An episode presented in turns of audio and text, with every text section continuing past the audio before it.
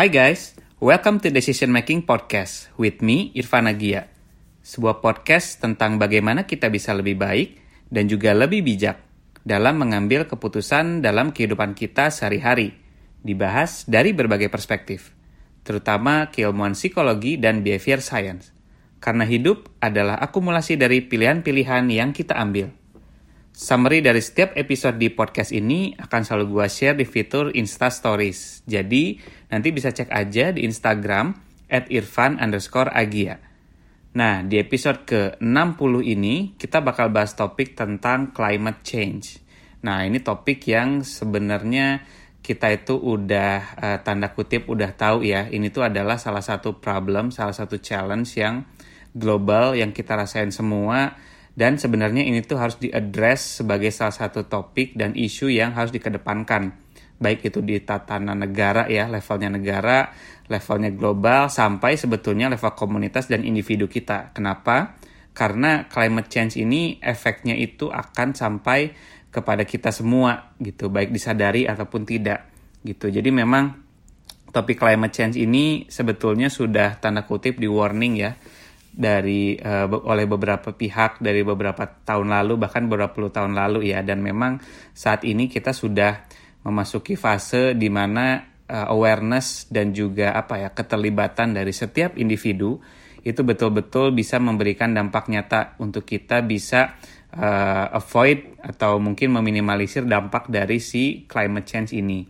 Nah, jadi memang uh, climate change ini sebetulnya uh, agak ngeri ya kalau misalnya kita deep dive, kita uh, cari-cari info artikel jurnal ataupun studi ataupun report-report ya yang berkaitan dengan climate change ini. Bahkan udah tanda kutip ada ininya ya ada waktu mundurnya lah semacam time bomb ya mungkin bahasa seremnya untuk apa kita take action gitu. Kenapa? Karena climate change ini tuh sifatnya itu adalah tipping point apa artinya? Ketika kita sudah melewati threshold atau skala tertentu ya dari si global misalnya warming ini, climate change yang memang apa uh, buruk ini itu bisa langsung dampaknya itu signifikan gitu. It, it can lead to large change in in the state of the system, entire system seperti itu. Dan memang untuk kita bisa uh, meminimalisir dan juga apa ya uh, mungkin avoid ya, hopefully uh, dari efek negatif dari climate change ini memang partisipasi semua pihak itu sangat dibutuhkan. Nah,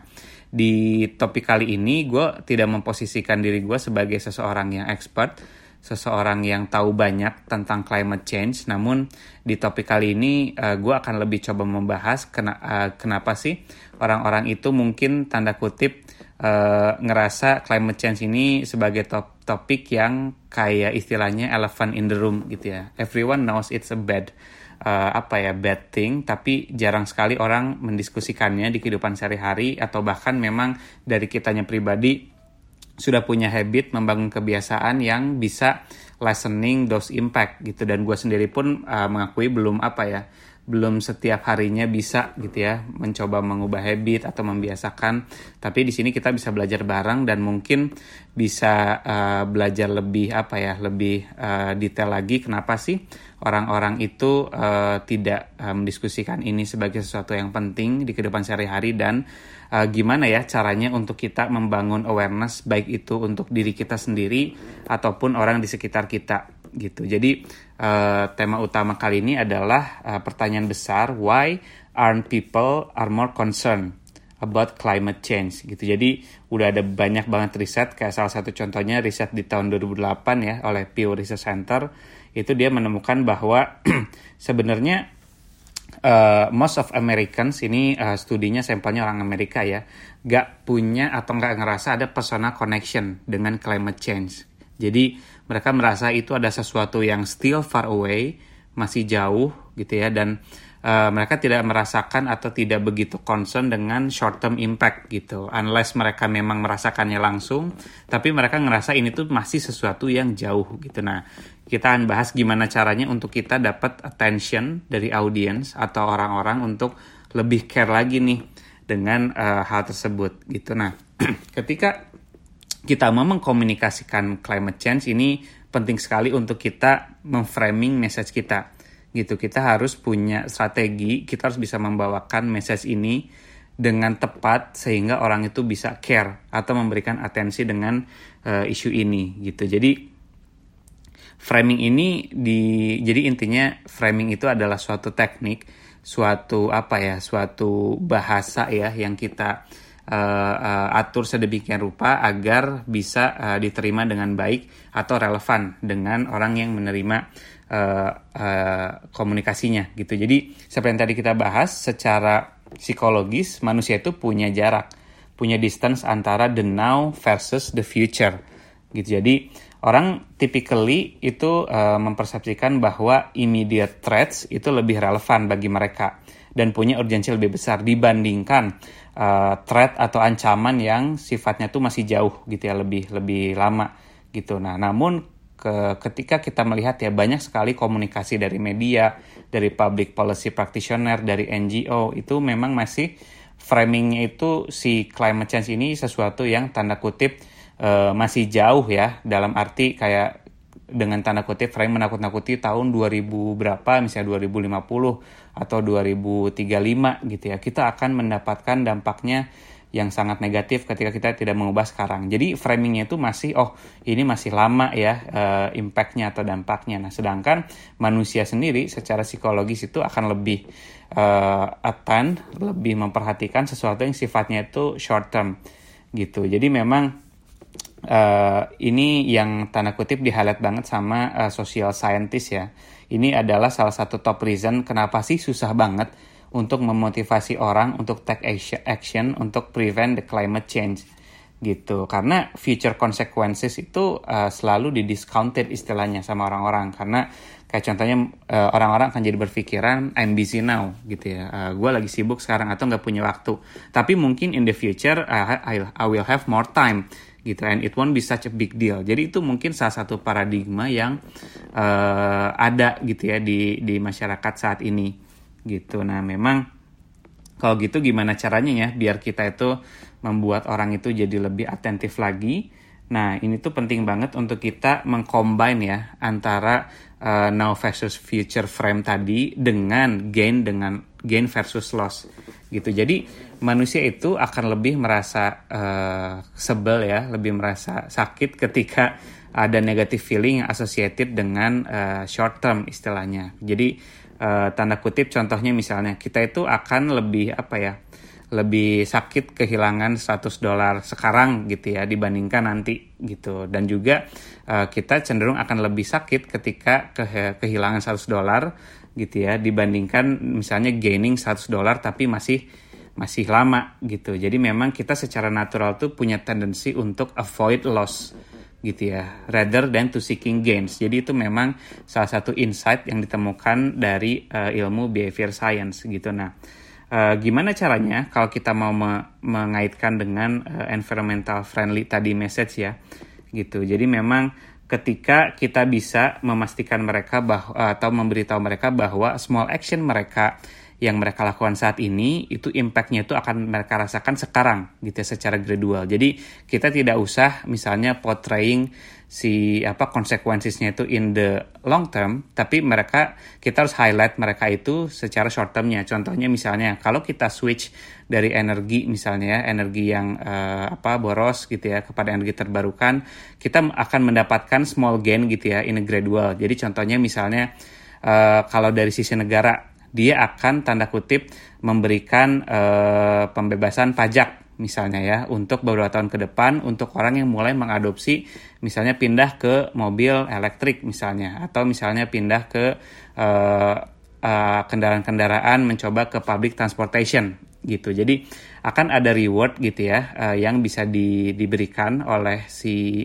negara atau pemerintah kepada orang-orang yang switching the daily activities atau daily habit kepada yang lebih environmental friendly seperti itu. Nah, itu yang pertama. Yang kedua adalah uh, kita sering kali ngasih data gitu ya, nah, ngasih scientific data, ngasih hasil-hasil report gitu ya untuk meyakinkan orang-orang ini tuh penting banget, ini tuh uh, akan terjadi sebentar lagi gitu ya. Tapi gimana sih sebetulnya secara uh, psikologis dan neuroscientific gitu ya orang itu otak kita memproses informasi. Jadi memang otak kita itu tidak didesain untuk uh, immediately react dengan uh, threat atau ancaman yang sifatnya itu masih uh, future ya, masih uh, lama gitu dibandingkan si short term risk gitu atau threat. Nah, jadi uh, otak kita itu sebetulnya punya dua sistem, teman-teman. Sistem pertama itu yang lebih uh, experiential ya. Experiential ini artinya yang uh, kontrol uh, emotion kita gitu. Contohnya misalnya kita fighting, fleeing gitu ya, kabur.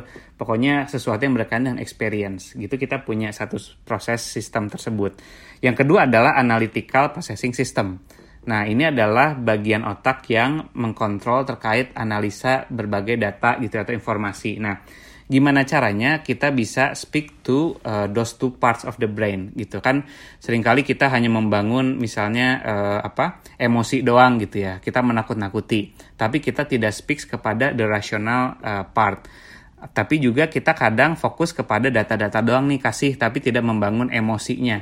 Tidak membangun koneksi atau cerita yang membuat orang mendengar itu engage dengan si uh, topik climate change ini gitu. Jadi memang uh, presentasi yang tradisional ya, deck-deck yang banyak data, banyak grafik, itu mungkin bisa memberikan apa ya, sense kepada kita, oh ini tuh uh, penting, tapi tidak meng menggerakkan kita gitu ya, untuk melakukan sesuatu. Begitu juga kalau kita hanya fokus kepada presentasi atau komunikasi yang emosional doang gitu. Yes kita mungkin tertrigger tapi kita tidak merasa ini jadi penting itu dalam waktu yang lama. Gitu. Jadi mungkin kita tanda kutip kebakar ya gitu ya. Kebakar di awal doang tapi kita tidak merasa uh, atau tidak believe bahwa ini tuh bisa kita bangun sebagai habit gitu. Jadi memang kita harus mengkombinasikan antara data dan juga cerita sebetulnya kepada setiap orang. Jadi memang uh, data visualization, data presentation itu tuh penting untuk kita atur dalam bentuk narasi ketika kita misalnya mau menceritakan atau mengajak orang-orang lebih aware dengan uh, isu climate change ini. Seperti itu. Jadi the most effective communication it uh, it is targeting both processing system of the human brain gitu ya. Jadi kita harus pertama kasih vivid imagery ya. Kita harus punya gambaran, punya cerita, punya metafora gitu kan yang berkaitan dengan analogi-analogi uh, real world dengan uh, hypothetical future gitu. Dan yang kedua adalah kita harus punya message yang berbobot dengan disertai data-data dan fakta gitu. Jadi kita harus mengcombine ya vivid imagery dengan uh, analytic message seperti itu. Kemudian yang ketiga, nah ini yang penting juga kita harus menggunakan bahasa tanda kutip yang sangat awam sekali ketika kita menjelaskan climate change karena gua pribadi itu believe bahwa sebetulnya orang itu tuh care kok dengan si isu ini tapi they have a hard time understanding this topic gitu ya memproses si uh, informasi-informasi yang mereka terima gitu. Mungkin tanda kutip mereka dikasih tahu emission terus karbon gitu ya. Tapi mereka tuh sebetulnya nggak begitu paham uh, aplikasi nyatanya atau misalnya apa uh, contoh sehari-harinya di kehidupan nyata. So uh, I always said that we have to avoid using jargon using complicated scientific terms, akronim gitu ya. Instead, use words that will make sense to the audience gitu. Jadi memang kalau misalnya kita perlu menjelaskan misalnya global warming, kita bisa bangun cerita, iya anggaplah kita itu uh, punya misalnya si dunia ini tuh si atmosfernya tuh ditutup misalnya ya ketutup sama uh, suatu apa suatu dinding atau suatu uh, apa kabut yang tebal gitu ya yang akhirnya misalnya ketika apa uh, ada ada apa ada polusi-polusi gitu ya, itu tuh ditahan gitu ya di di sana sehingga balik lagi ke kita. Jadi mungkin untuk orang-orang awam kita bisa membuat cerita uh, itu maybe it's not the perfect analogy, perfect stories, but uh, you know what I mean ya. Intinya jadi kita perlu membuat narasi atau cerita yang bisa sangat mudah dipahami oleh semua kalangan. Seperti itu.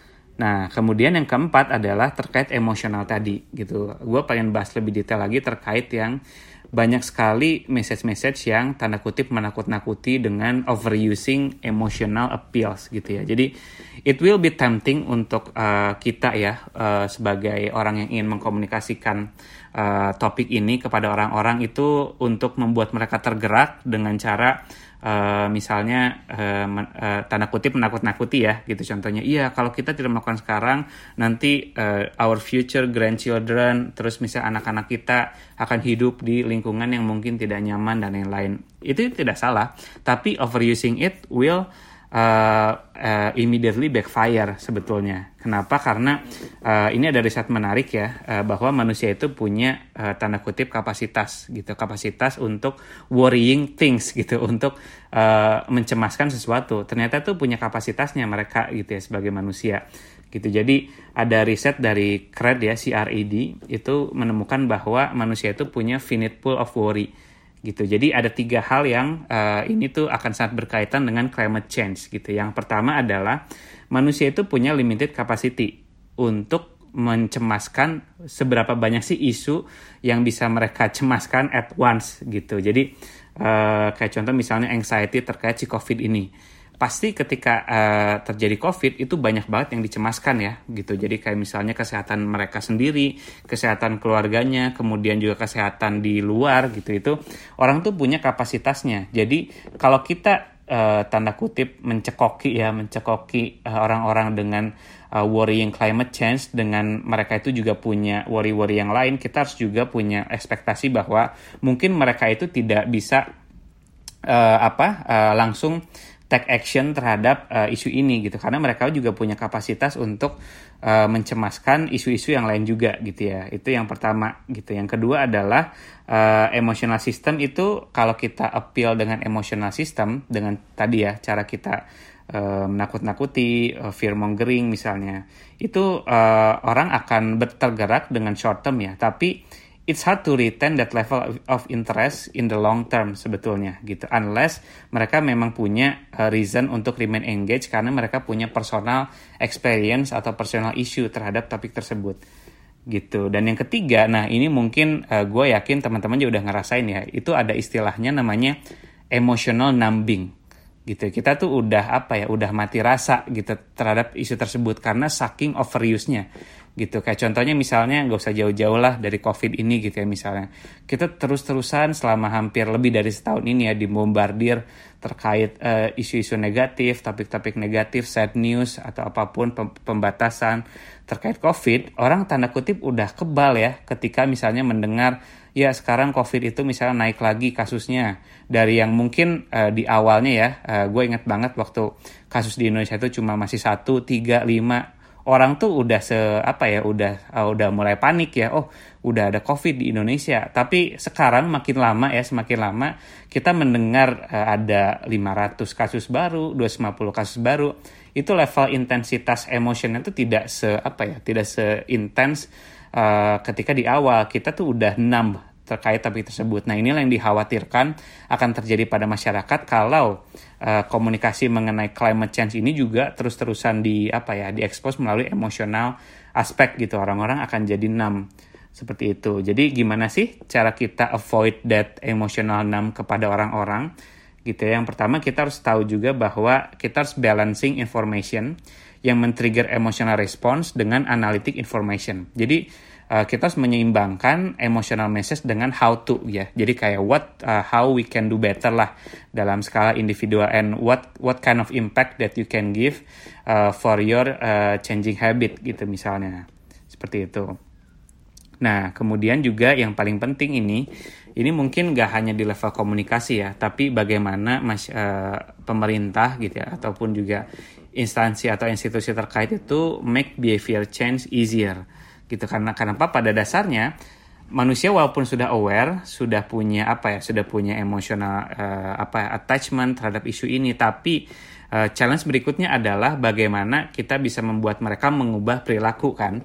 Nah ketika kita pengen uh, mendesain sistem yang membuat orang bisa berperilaku uh, berubah kita harus mendesain itu semudah mungkin gitu ya. Karena uh, intinya adalah uh, yang bisa kita coba coba adalah menggunakan default effect gitu ya. Ini kalau dari risetnya untuk kita bisa membuat behavior change easier yaitu kita sebagai manusia itu sebetulnya punya tendensi untuk stick terhadap option atau pilihan yang sudah diselected automatically yang udah dikasih sama kita gitu ya instead of choosing an alternative option yang membuat kita tuh harus ambil effort lebih gitu. Jadi kayak contohnya misalnya ketika uh, pemerintah itu memberikan opsi ya, opsi A dan B, opsi A itu misalnya untuk menggunakan uh, apa uh, suatu suatu metode yang lebih ramah lingkungan dengan yang B gitu ya, yang mungkin lebih murah tapi tidak ramah lingkungan. Kita bisa membuat default system bahwa pada defaultnya orang itu uh, akan memilih yang A yang pertama ya, yang lebih environmental friendly gitu. Kayak contoh misalnya di apa? di tempat-tempat makan, kemudian tempat-tempat uh, fashion juga gitu ya. Kayak kemarin juga uh, misalnya uh, gua order misalnya di salah satu makanan tempat makan itu mereka default optionnya adalah kita sudah tidak diberikan kantong plastik misalnya ya. Nah itu salah satu contoh gimana orang itu atau konsumen diberikan default option untuk meminimalisir kita uh, pakai kantong plastik. Kenapa? Karena Uh, kalau kita misalnya nggak dikasih opsi di default ya, kita cenderung akan memilih ya udah deh kita pakai plastik aja deh. Tapi ketika kita sudah di defaultnya itu nggak pakai kantong plastik, itu membuat kita tanda kutip jadi malas juga kan untuk nanya lagi gitu ya. Itu setidaknya akan meminimalisir perubahan perilaku yang kembali lagi ke uh, hal yang tidak uh, tidak environmental friendly ya seperti itu sih. Nah mungkin itu adalah topik-topik uh, atau poin-poin yang menurut gue penting sih untuk uh, kita uh, kita pelajari ya. Terutama kalau kita pengen untuk uh, bikin orang-orang tuh lebih aware gitu. Jadi mungkin gue refresh lagi ya. Kayak yang pertama itu adalah kita harus melakukan framing terhadap message kita kepada mereka. Karena uh, kita harus tahu juga uh, profil dari uh, audiens kita gitu. Kita jangan menggunakan jargon-jargon, jangan juga menggunakan complicated scientific terms as as they will know it gitu ya. Itu yang pertama. Kemudian yang kedua adalah uh, kita harus tahu juga bahwa setiap orang itu manusia pada dasarnya itu akan lebih care terhadap sesuatu yang sifatnya short term dibandingkan yang masih future consequences. Jadi kita perlu highlight short term impact-nya dan short term reward-nya untuk mereka agar mereka lebih engage dengan topik climate change ini. Kemudian kita harus membalance antara emotional message dengan analitik atau konkret uh, data ya terhadap uh, isu ini gitu untuk membalance. Biar si yang tadi orang nggak jadi emotional numb gitu ya. jadinya udah kebal bebal ketika mendengar ada isu-isu terkait climate change ini. Seperti itu. Dan yang paling terakhir adalah make the behavior change easier. Buat uh, perubahan perilaku orang itu menjadi lebih mudah dengan salah satunya adalah uh, memberikan default option gitu ya kepada mereka untuk uh, menggunakan uh, produk atau jasa yang lebih environmental friendly.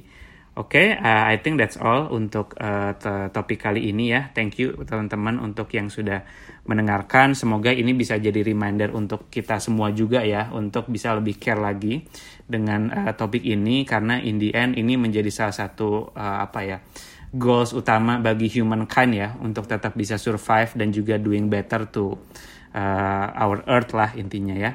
Dan yang kedua adalah untuk teman-teman yang juga uh, berjuang ya untuk mengingatkan, untuk mungkin bekerja di NGO atau raising awareness terkait isu ini, kita bisa consider beberapa poin yang sudah kita bahas di episode kali ini. Oke, okay, uh, uh, thank you untuk teman-teman yang udah mendengar. Uh, I'll see you in the next two weeks. Kita nextnya episodenya di ke-61 akan bahas tentang superstition gitu ya. Jadi ini hal-hal yang sebetulnya uh, sangat umum kita temui dan mungkin kita sendiri punya superstition juga ya, suatu belief yang mungkin tidak rasional tapi uh, kita punya personal experience ini tuh akan working. Kita akan bahas lebih lanjut tentang topik tersebut. So I'll see you in the next two weeks. Bye bye.